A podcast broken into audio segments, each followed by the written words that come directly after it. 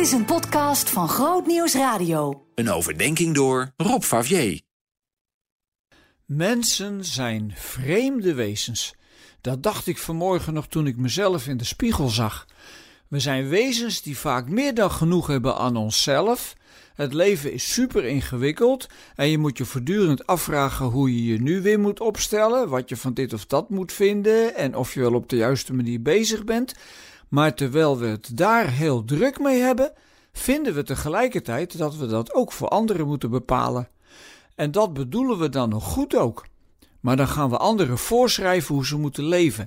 En zo pakken we elkaar in en maken we het leven vaak moeilijk voor elkaar. Begrijp me goed, ik vind echt niet dat iedereen maar moet doen waar hij zin in heeft hoor.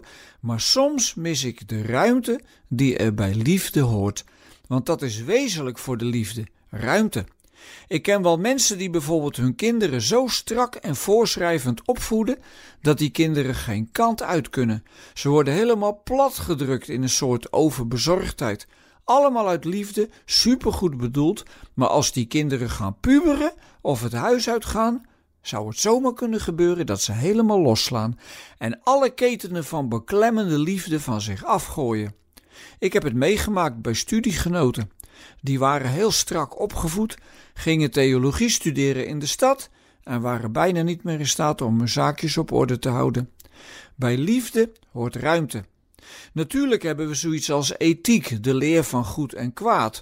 Daarmee proberen we te overdenken wat je wel en niet zou moeten doen als christen. Maar ook daar is altijd ruimte. Dat is toch ook het mooie van kerk of gemeente zijn, dat je met elkaar van mening kunt verschillen en elkaar dan toch kunt vinden bij het kruis van Golgotha en bij de weggerolde steen van Pasen. Een kerk waar iedereen het helemaal met elkaar eens is, vind ik zo ontzettend saai. Dat kan ook bijna niet, omdat we allemaal verschillende mensen zijn.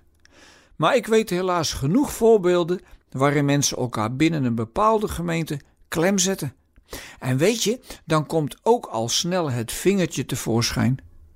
Maar als ik naar Jezus kijk, dan zie ik steeds weer hoe hij met alle regels en geboden omging.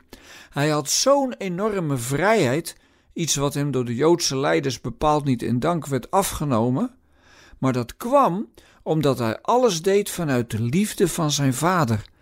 En daar kun je wel spelregels bij verzinnen, maar je kunt die liefde nooit vervangen door spelregels. Liefde is altijd veel meer. En wat God ons aanbiedt, is dat we in Zijn liefde mogen groeien en steeds meer onszelf mogen worden, zoals Hij ons voor ogen had toen Hij ons schiep. Dat is een geweldig proces dat niet knelt, maar alle ruimte geeft om te ademen. Of om het mooier te zeggen, dat alle ruimte geeft om te ademen met de adem van de geest.